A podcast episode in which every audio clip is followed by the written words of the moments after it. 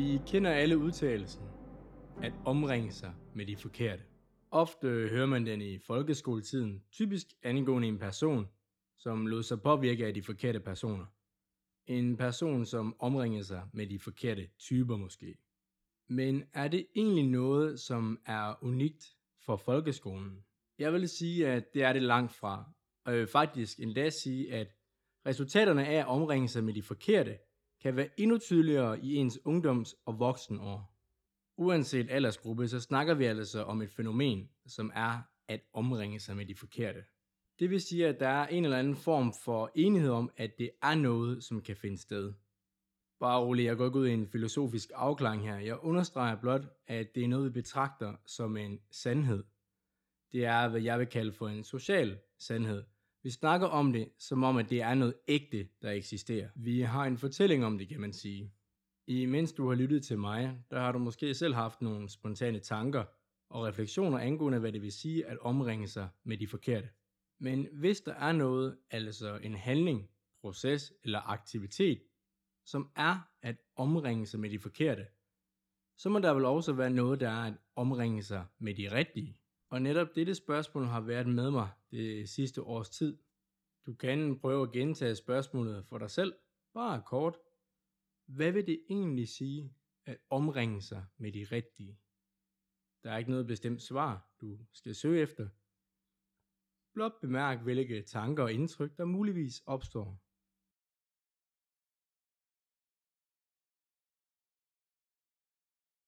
Nu kender jeg ikke dig personligt, men jeg vil lave et kvalificeret gæt. Det var ikke så tydeligt eller klart, hvad det egentlig helt konkret vil indebære at omringe sig med de rigtige. Alt andet lige, så vil det nok være nemmere for dig at uddybe, hvad det vil sige at omringe sig med de forkerte. Imens så synes det at omringe sig med de rigtige at være et mere diffust koncept.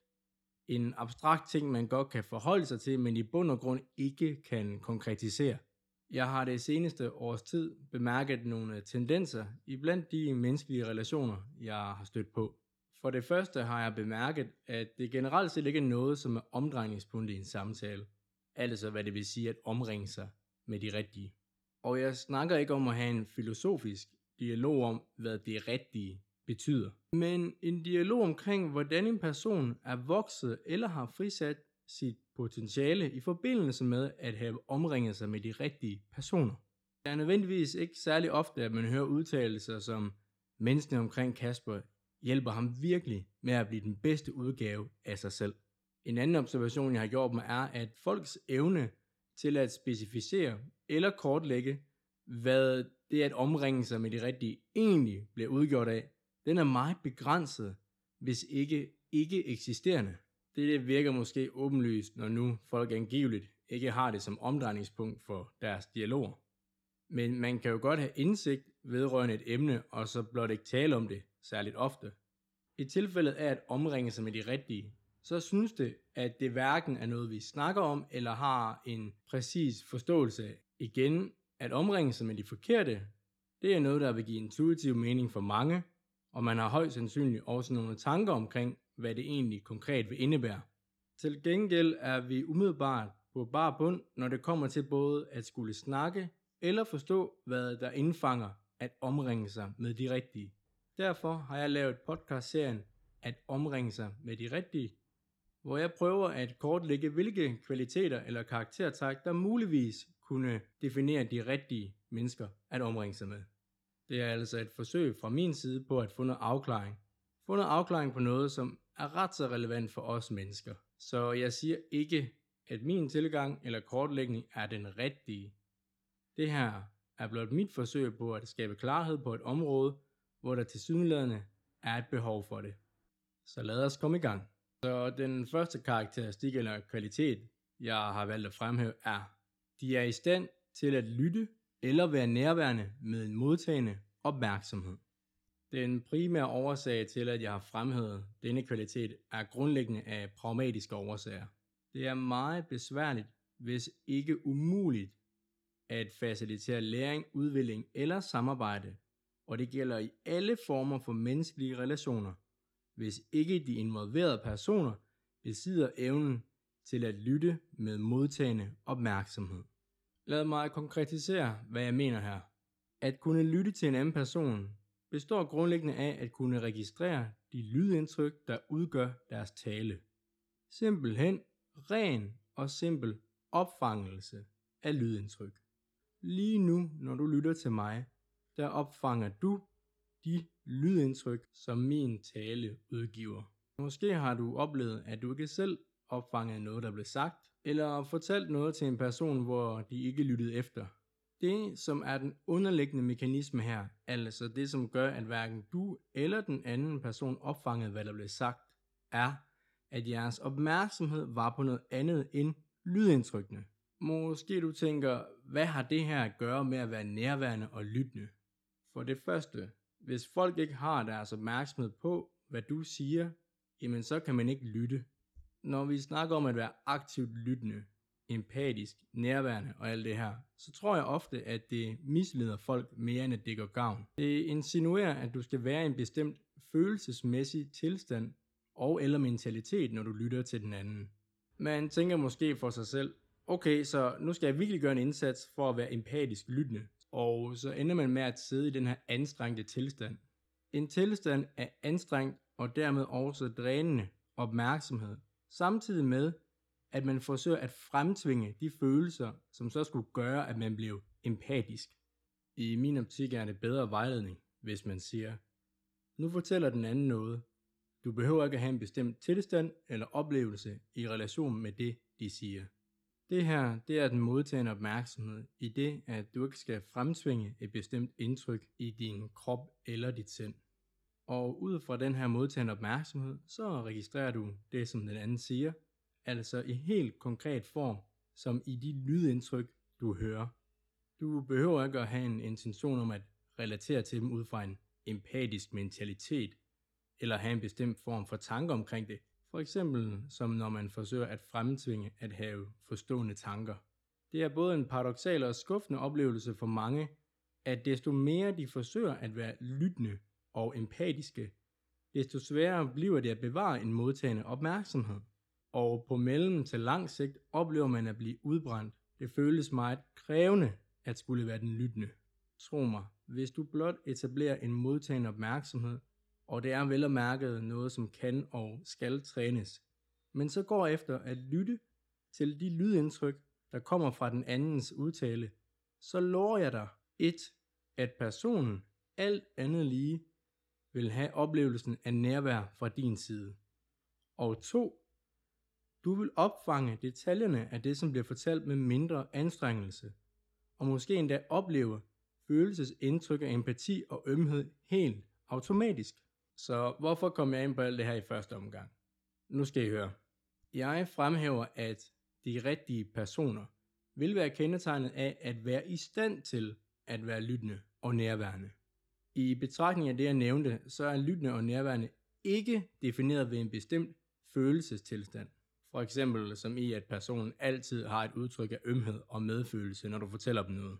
Det vi er ude efter, er evnen til at kunne tage imod og lytte, uden at diverse tanker, forestillinger og motiver, altså ved den som lytter, går ind og forstyrrer den proces. Der er personer, som altid har et udtryk af ømhed og medfølelse, netop fordi deres tankemønstre og mentale forestillinger påvirker måden, hvorpå de opfanger information. Information her værende det, du fortæller dem. For eksempel at deres motiv om at fremstå som den omsorgsfulde person medvirker til, hvad vi kunne kalde uproportionel medlidenhed. Det vil sige, at de oplever, at det er mere synd for dig, end det egentlig er, eller at du er et offer af tilfældig uretfærdighed i relation med en problemstilling, hvor meget af ansvaret egentlig ligger på dig selv. Man kan sige, at deres empatiske præcision bliver forringet som resultat af ønske om at fremstå og være på en bestemt måde. Derfor understreger jeg også det at være i stand til at lytte og være nærværende. Det er en evne eller kompetence, vi leder efter, og ikke en bestemt form for person som sådan. Der skal være tale om, at personen på bevidst vis, i varierende grad, kan vælge at anvende eller ikke anvende denne evne. For ikke alle situationer kalder på at sidde i en længerevarende modtagende opmærksomhed. Nogle øjeblikke, som har medvirket til umådelig indsigt og udvikling for mit vedkommende, er kommet som resultat af, at personer, som lyttede, stoppede mig og stillede et spørgsmål som, hvorfor fortæller du mig det her? På den måde blev jeg tvunget til at blive klar over og bevidst om, hvad motiverne for min deling egentlig var. For eksempel om det var for at få forståelse, eller for at udvikle min karakter sådan, at jeg bedre kunne navigere i mit liv. Så igen, jeg bruger bevidst ordene nærværende og lyttende, frem for ord som varm og medfølende.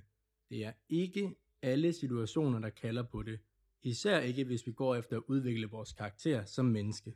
Det vil altså sige, at kunne lytte og være nærværende skal her forstås som til den grad, som man kan opfange og registrere information ud fra en modtagende opmærksomhed.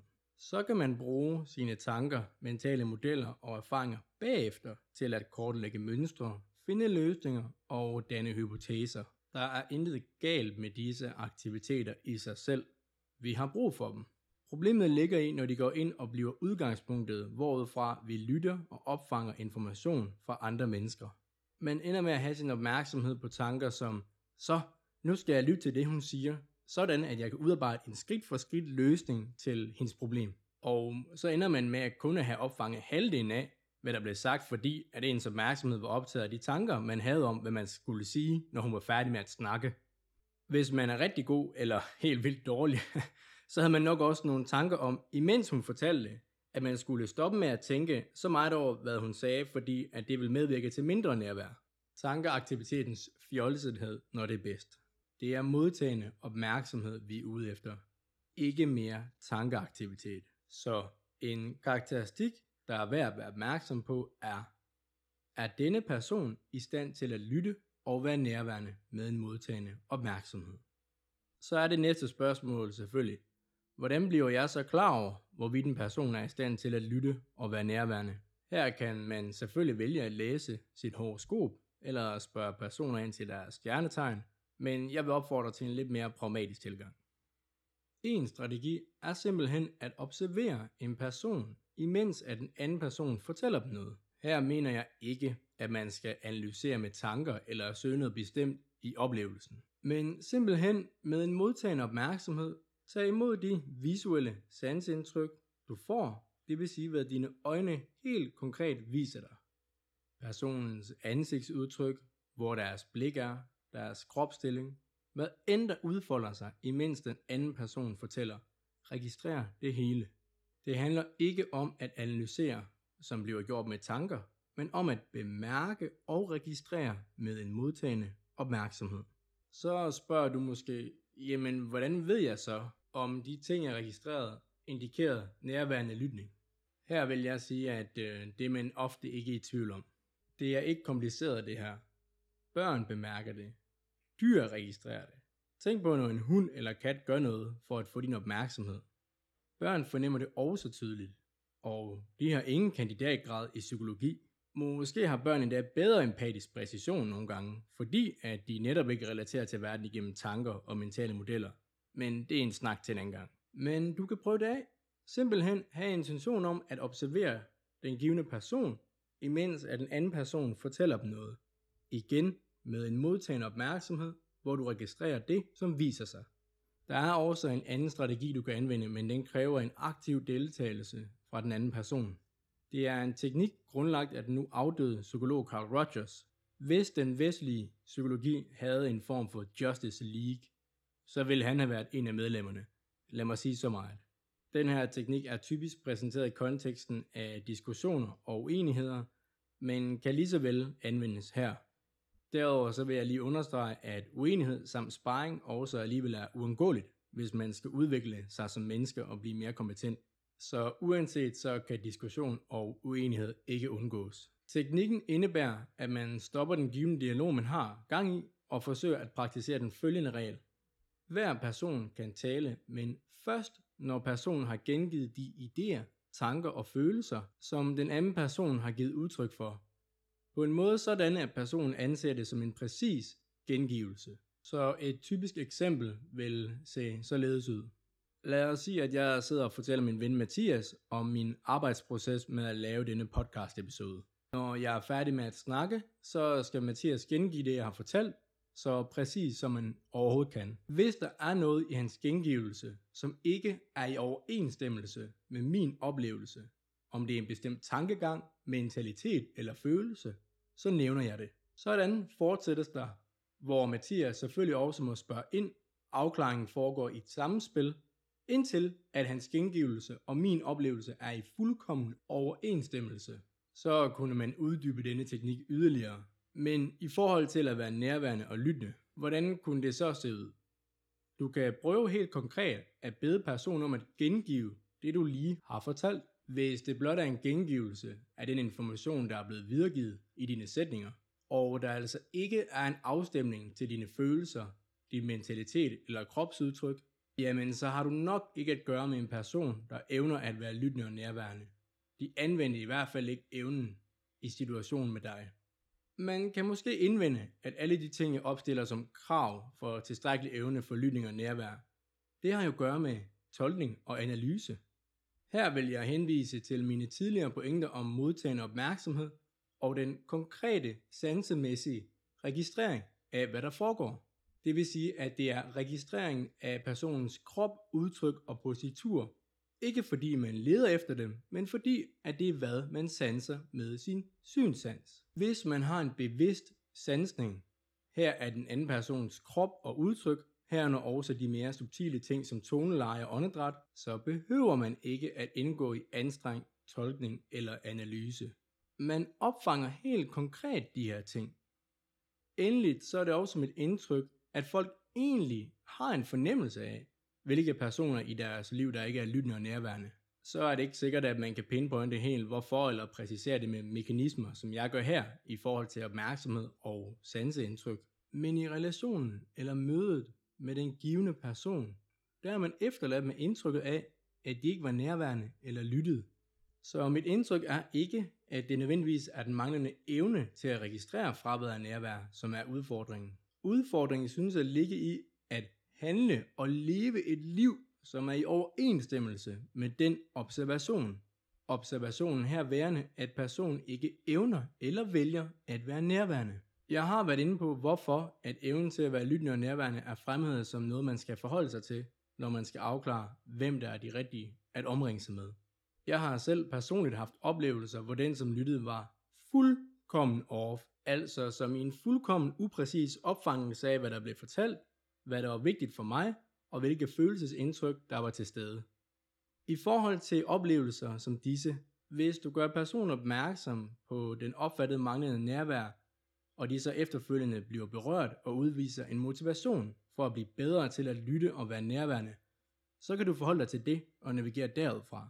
Men hvis der er tale om gentagende oplevelser af upræcis opfangelse, og personen ikke udtrykker en motivation for at gøre et eller andet ved det, så er det der, man må spørge sig selv, hvem er fjolset her? Den person, som ikke besidder evnen til at lytte med nærvær? Eller den person, som er bevidst om, at personen ikke besidder denne evne, men fortsat associerer sig med dem og lader dem påvirke deres liv? Det spørgsmål er værd at reflektere over. Så er vi nået til vejs ende, hvad angår den første kvalitet. Jeg håber, at det var givende at lytte til. Uanset hvad, så er du altid velkommen til at sende mig en DM på min Instagram-side, Pragmatisk Visdom. Eventuelt hvis du har nogle spørgsmål, eller der er noget andet, du ønsker at vende. Måske noget i forhold til den kvalitet, jeg snakkede om i denne episode. Men det var alt for denne gang. Velvilje herfra.